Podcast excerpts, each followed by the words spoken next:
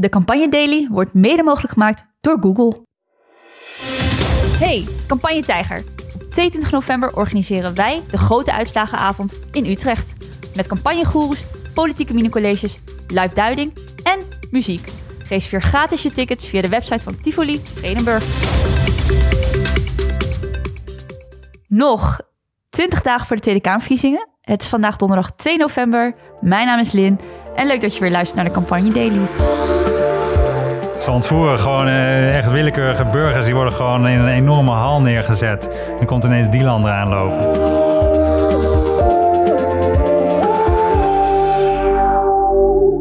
We zijn vandaag in de rode fase. Hey. En gelukkig zit ik hier met twee gasten die dat kunnen eh, duiden voor ons. Eh, tegenover mij zit Maarten van Heems. Goedemiddag. Goedemiddag Maarten, welkom. Leuk dat je er bent. Dankjewel. En naast mij zit eh Marjolein Kamscheur, een van de directeuren van eh, campagnebureau Meuten en voormalig campagnemanager van D66. Yes, leuk om te zijn. Welkom Marjolein, leuk dat je weer aanschuift. Ehm, ik wil beginnen bij dat eh, we de afgelopen weken het hebben gehad over eh, een video van NOC-NSF... waarbij Rico Verhoeven eh, tegenover Dylan Isilge staat. Vanmiddag of vandaag, straks, is de video van Frans Timmermans en Nathan Rutjes, zeg ik het goed, Ja, komt ook online. Ehm, ook zitten jullie achter een campagne van eh, natuurmonumenten... waarbij boswachters een oproep doen om de natuur mee te nemen... eh, in je stem op 22 november. Waarom haken maatschappelijke organisaties eh, in op de politieke campagne? ja de maatschappelijke organisaties willen natuurlijk heel erg graag hun stem gehoord, ehm, eh, gehoord hebben in, bij de politiek. En dat is interessant in de fase tot aan de verkiezingen. Eh, dat is nog veel belangrijker in de fase daarna, want eh, dan moeten de, de regeerakkoord eh, moet worden geschreven en daar wordt er onderhandeld. En daar willen ze hun punten natuurlijk heel erg graag in hebben. Ehm, maar deze fase tot aan de verkiezingen is heel erg interessant, want dan, dat is ook een moment om eh, ja, die, die politici op te zoeken en om ze nou, nog een podium te geven.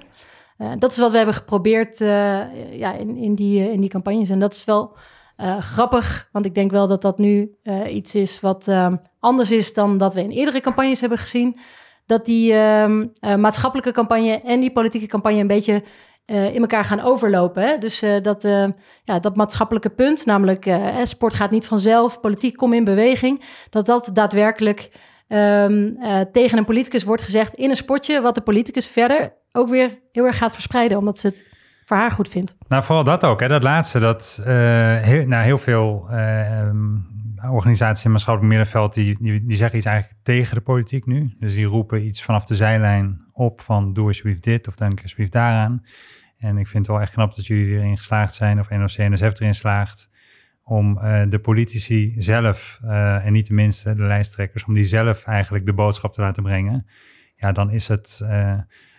een politicus is altijd in staat om dan over een jaar toch nog iets anders te doen als de formatie eindelijk klaar is. Maar het is wel echt ehm, ja, betrokkenheid bij de boodschap. En het zal toch moeilijk zijn om sport helemaal links te laten liggen als ze straks eh, met elkaar aan tafel gaan. Dus in die zin, het is weer voor mijn gevoel een soort volgende stap eigenlijk in proberen die campagne eh, naar jouw onderwerp te trekken. Een geslaagde campagne van eh, NOC-NSF. En eh, volgens mij... eh, En van Meuten, ja, Marjolein durft niet te ja, zeggen. Maar ik ja. doe toch even shout-out naar het bedrijf van Marjolein, want dat hebben ze echt knap gedaan. Dankjewel. Eergisteren eh verscheen het overzicht van substantiële giften eh, aan politieke partijen. In totaal doneerden bedrijven en particulieren ongeveer 3,9 miljoen euro eh, aan politieke partijen. Maar belangrijker is eigenlijk vooral wat gaan partijen met die donaties doen.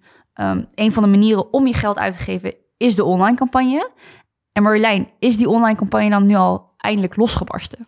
Ja, nou, dat, dat, ehm, dat is dus grappig dat je het vraagt. Want dat, je ziet dus, de laatste drie weken zijn ingegaan. En dat is, ehm, nou ja, dat is altijd het moment om ehm, in Nederland in ieder geval te starten met je, de grotere uitgaven voor je online campagne. Het is interessant, want die verkiezingsdatum komt dichterbij. En je kunt ja, je boodschap nog meer gaan herhalen. En eigenlijk een soort van basis gaan kweken voor, eh, voor je verhaal. Je zegt, eh, dit is nu de tijd om de grotere bedragen uit te geven voor je online campagne. Welke partijen zijn al stevig geld aan het uitgeven? Ja, je kunt dus eh, even, ehm, dat is wel erg leuk. Er is een, ehm, een overzicht eh, van Meta en een overzicht van, van Google. En je kunt eigenlijk kijken wat, wat partijen bijvoorbeeld in de afgelopen dag of de afgelopen week hebben uitgegeven. En eh, ja, je ziet dat het nu echt een beetje op stoom begint te komen. Dat bijvoorbeeld GroenLinks PvdA de afgelopen week zo'n 55.000 euro hebben uitgegeven.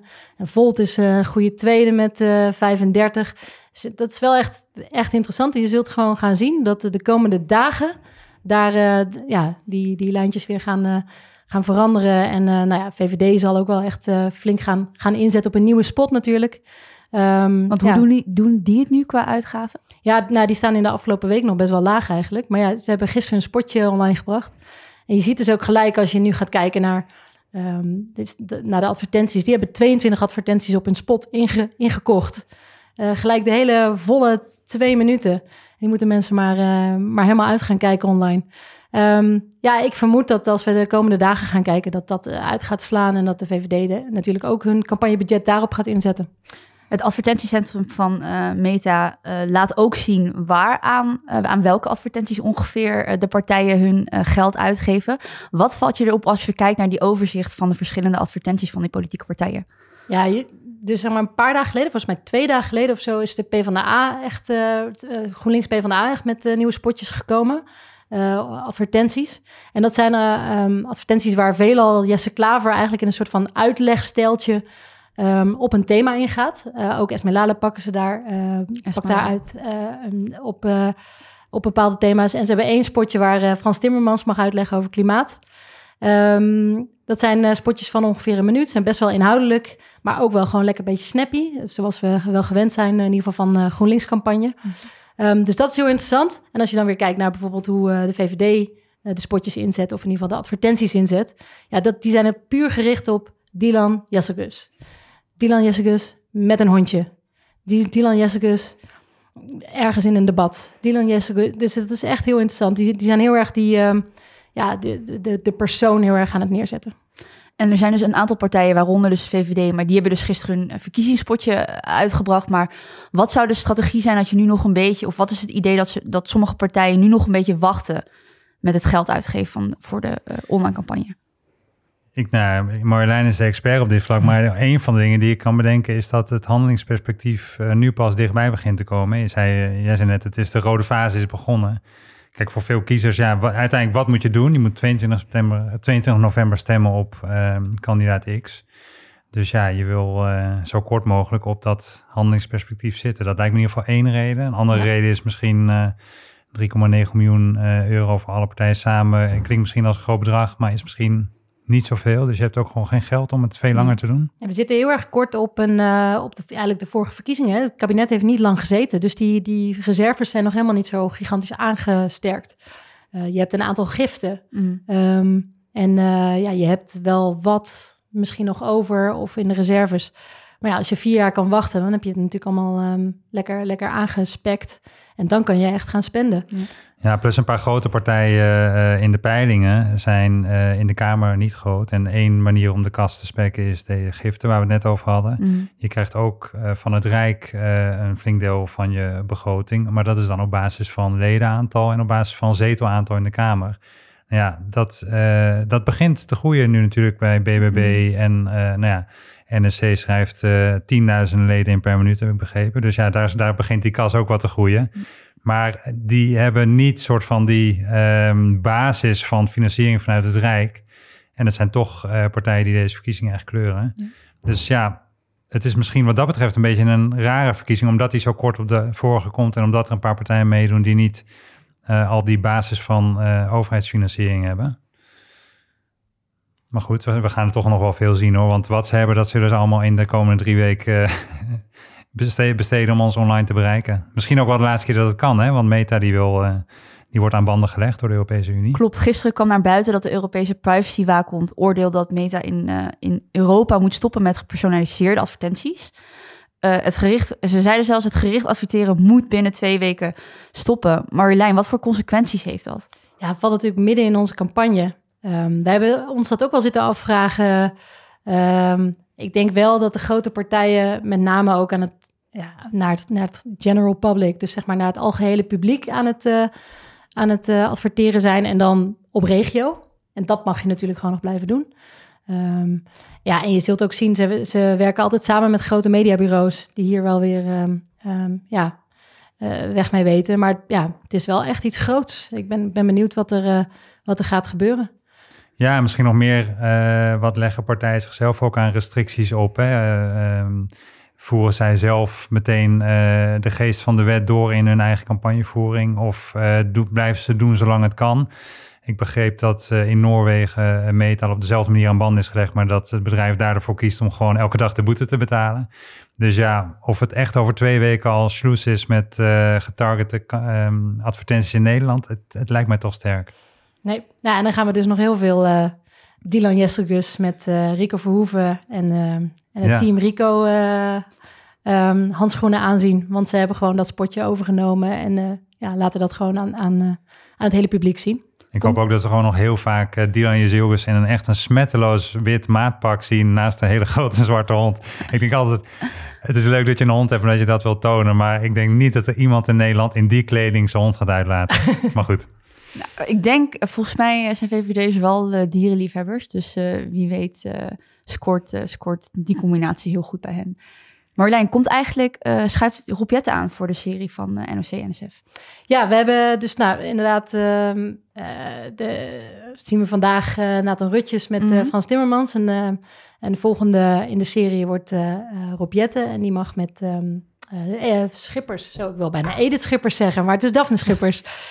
samen hardloopster. kijken of, de, of ze de eindsprint kunnen inzetten. Want dat is voor Rob wel nodig, denk ik. Ja, want Jette die eh, trok gisteren ook een sprintje namelijk. Die zat uh, samen met eh, Thierry Baudet van Forum voor Democratie uh, bij NOS op 3. Ja. Een interviewreeks die zij online doen voor hun jongvolwassenen doelgroep. Ja, hij moest daar een sprintje ook voor trekken. Want hij zat eigenlijk in een klimaatdebat tegenover Mona Keizer was voor Klimaatoptimisme debat van uh, W Magazine. Ja, en uh, dat was denk ik al een lekker debat waarin hij zich kon contrasteren met de rest als iemand die wel echt uh, om het klimaat geeft. Maar hij moest daar eerder weg om op tijd naar de studio te kunnen sprinten. Sowieso, ze zijn op basis van loting bij elkaar ja. gezet.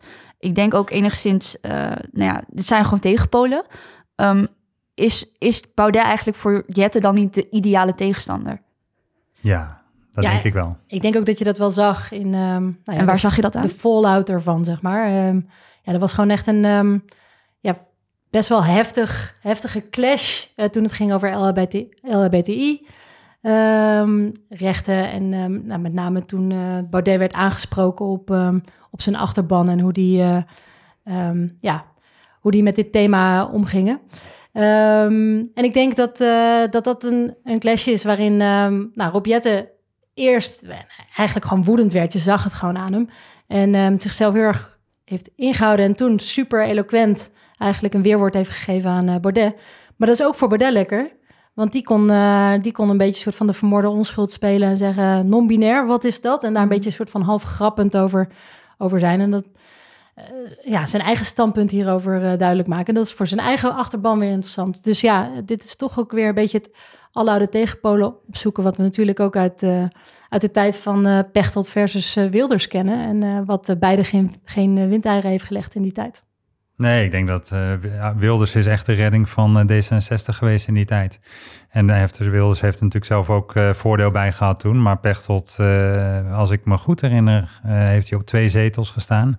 En heeft D66 toen enorm weer de hoogte in weten stuwen. En een van de manieren waarop hij dat natuurlijk deed was is consequent in het parlement met uh, Wilders um, de clash aangaan. Maar ook zijn tour door het land om de Henk en Ingrid te spreken.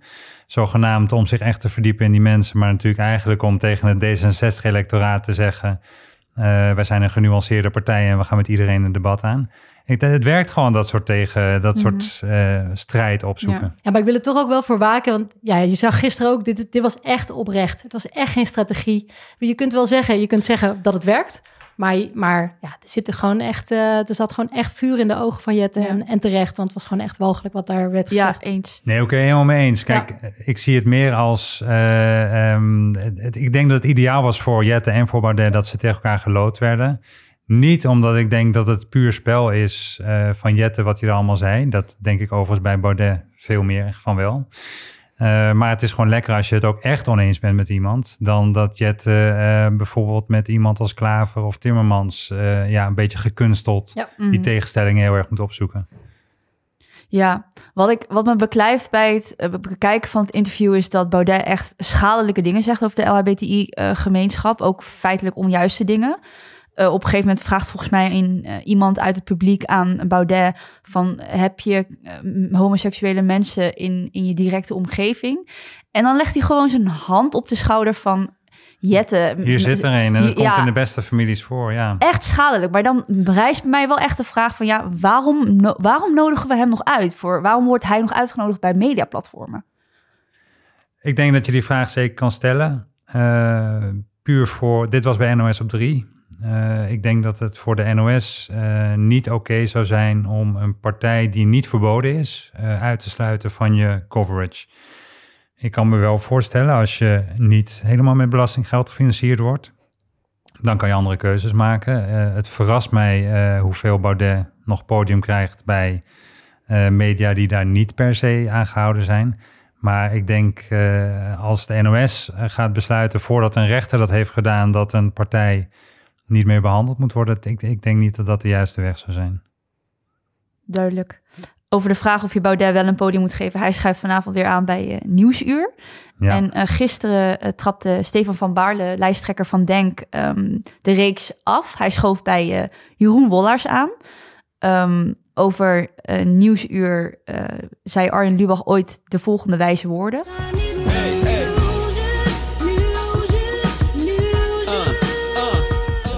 Ik moet eigenlijk zeggen, Sosja Duis, Duisker in de avondshow van Arjen Lubach. En bedankt. Um, Hele dag in mijn hoofd. Ja.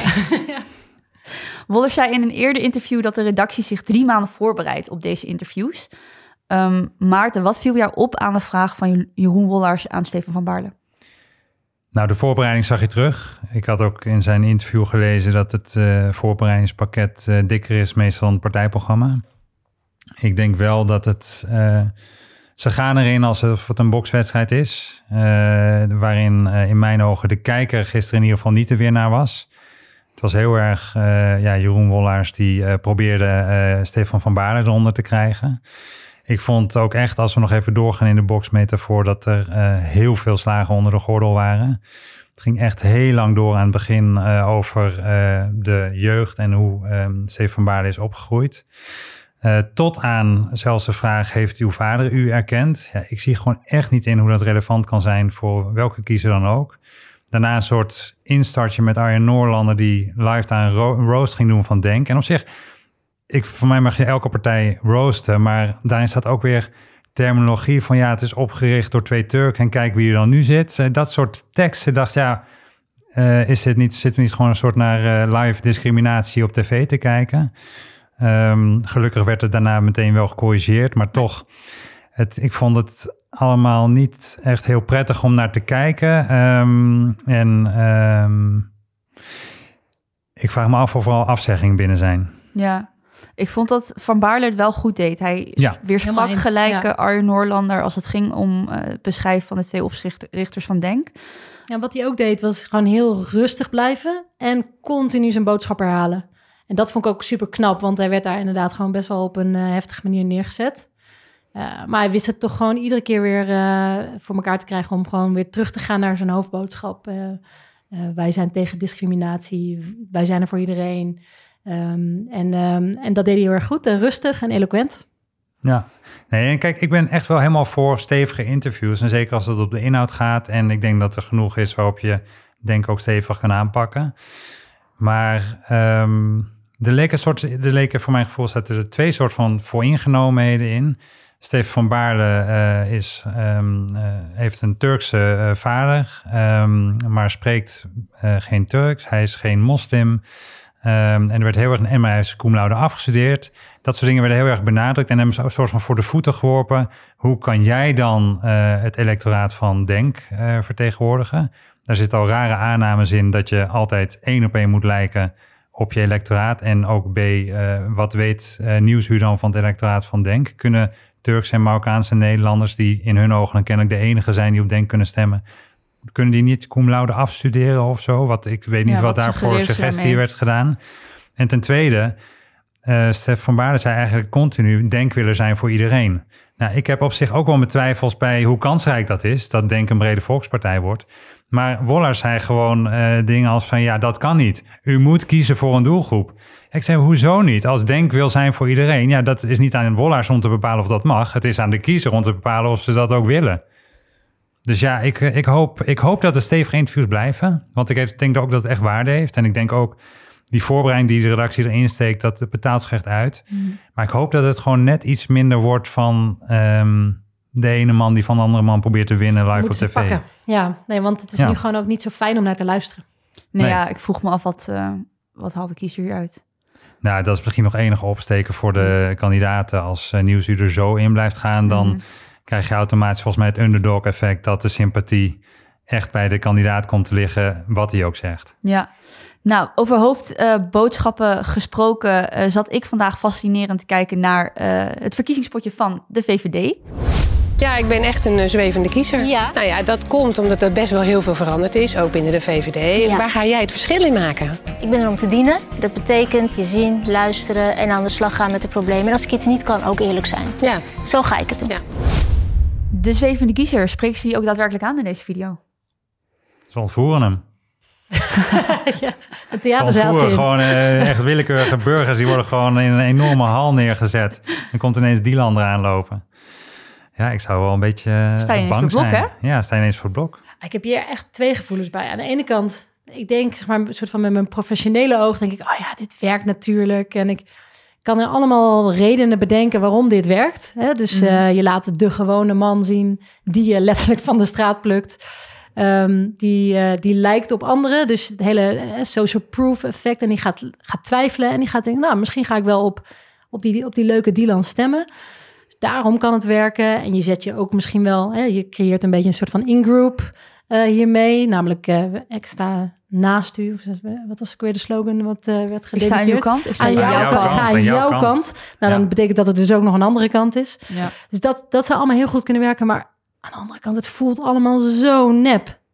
Ik vind het, ja, ik weet, ik geloof best wel dat ze die mensen echt van de straat hebben geplukt. Maar ik vind Dylan hier gewoon echt heel nep uitkomen. Ja. En BBB stond uh, nou ja, aan de overkant, want daar wil ik het ook nog heel graag over jullie hebben. De, het verkiezingspotje van uh, Van der Plas en uh, Keizer. Dat is het mooie van Nederland ook. Die lappendeken van regio's met hun tradities, hun eigen tradities, hun eigen folklores, hun eigen taal. Eh, hun eigen karakter trekken. Uh, dat vind ik zo mooi uh, van Nederland. Zeeuwen, Limburgers, Amsterdammers, Jutters, Volendammers. Volendammers? Mm -hmm. Hebben we ook. Serieus? Ja. Echt? Ken je die? Ja. Ik hoorde weinig gelachen aan de tafel, maar dat was duidelijk een, een verwijzing naar Suzanne Freek. Voor allemaal Suzanne Freek fans. Um, heel belangrijk, de regio's, Amsterdammers, Volendammers, Jutters. Is dit professional amateurism? het is zeker amateurism. het is echt, ik dacht uh, hier bij de podcast, dan is het natuurlijk ook even staan de microfoon zo aan voordat jij uh, begint over hoeveel dagen nog tot de verkiezing is. Maar dit is toch echt van, uh, stonden de camera's al aan. Het lijkt wel alsof ze per ongeluk een van de probeersessies als spotje hebben geadverteerd nu. Want het was hakkelend of... Ja, en het is zo raar en het komt zo cringy over. En, eh, maar waarom dan? Even schets het beeld voor de, voor de luisteraar. Ze staan samen voor een uh, koeienstal. En ehm, je ziet dat ze eigenlijk steeds verrast zijn als de ander al een punt zet, zeg maar. Dus dan, oh wacht, shit, moet ik nu alweer? En ze zeggen ook dingen die helemaal op elkaar aansluiten. Ze hebben duidelijk iets ingestudeerd van... gooi jij nog even Volendam en doe ik alsof ik daar verbaasd over ben. Ja, ik weet niet. Alleen al Probeer niet te acteren als je niet kan acteren. Nee, precies. Het is een soort van, uh, ook over nep gesproken. Er zitten ook hele rare nepstukjes in. En de, je ziet ook, zeg maar, de non-chemie tussen die twee, die spat er vanaf. Uh, ik weet niet of het een woord is, non-chemie, maar in ieder geval tegenovergestelde Bij van chemie. Gecoind. ja. en inderdaad, uh, ja, je ziet gewoon dat het, dat het niet werkt. Nee, zeker voor Caroline. Hè? Dat, die, dat is toch degene die eigenlijk juist door niet te acteren er positief uitsprong. En dan ja, in zo'n filmpje, als ze dat dan wel moet doen, zie je meteen uh, dat het niet werkt. Ik kijk liever naar hoe ze vandaag iedereen uh, waarschuwt om niet de, weg op te gaan. Als soort KNMI-woordvoerder heeft ze een filmpje opgenomen over de storm. En dat ze echt uh, iedereen oproept om thuis te werken. Nou, dat is lekkerder om naar te kijken dan dit soort raar acteerwerk met Mona Keizer. We gaan ook die video in de show notes zetten. Last but not least wil ik graag eindigen met LEF, een politieke partij voor de jonge generatie, de nieuwe generatie noemen ze het. Het is tijd voor lef. Het is tijd voor verandering. Oké, nog één keertje dan. Jongeren hebben de toekomst. Nog één keertje dan, wordt heel duidelijk gezegd uh, in het spotje. Waarbij de verkiezingsvideo die voorafgaand aan die zin uh, compleet opnieuw uh, gedraaid wordt. wie geen geld heeft, moet slim zijn. Toch, Maarten? Ja, sowieso campagneles 1 herhalen, herhalen, herhalen. En inderdaad, als je geen geld hebt om een hele zendtijd voor politieke partijen slot dat je krijgt te vullen, dan doe je gewoon je hele boodschap nog een keer en zeg je dat, en, zeg je dat erbij. Het is wel Um, je moet het zeker kijken. Dit komt ook in de show notes. Maar het is nogal een dystopisch filmpje. Niet eens zozeer door wat hij zegt. Maar het is zo grimmig. De beeldvoering. Hoe mensen kijken in dat filmpje. Het is echt alsof hij een laatste uurtje geslagen heeft. Nou ja, de tijd dringt hè? Natuurlijk. maar eh, je, gaat, je wilt toch dat mensen stemmen in de hoop dat jij iets voor ze gaat veranderen. Nou ja, dit is alsof het eigenlijk al allemaal kansloos is. Zo, als, je, als je zonder geluid kijkt, dan is het echt alsof je film van Lars van Trier kijkt over de wereld die uh, aan het vergaan is. Nou, met deze gloomy boodschap uh, eindigen we onze aflevering van de podcast. Um, dankjewel Maarten en dankjewel Marjolein. Jij ook. Heel leuk. dat jullie aanschoven. Uh, heb je geen genoeg van uh, de campagne Daily en ben je benieuwd hoe het hier achter de schermen aan toe gaat? Lees dan vooral het uh, nieuwe artikel van Rutger de Kwij bij vakblad Villa Media, waar hij in ons een dagje volgt. Ik zal het in de show notes zetten. vergeet ons ook niet te liken, subscriben en 5 sterren te geven. Morgen zit Pelle hier weer met Justin Korneef en journalist en ondernemer Sander Schimmelpenning. Dank voor het luisteren en tot morgen iedereen.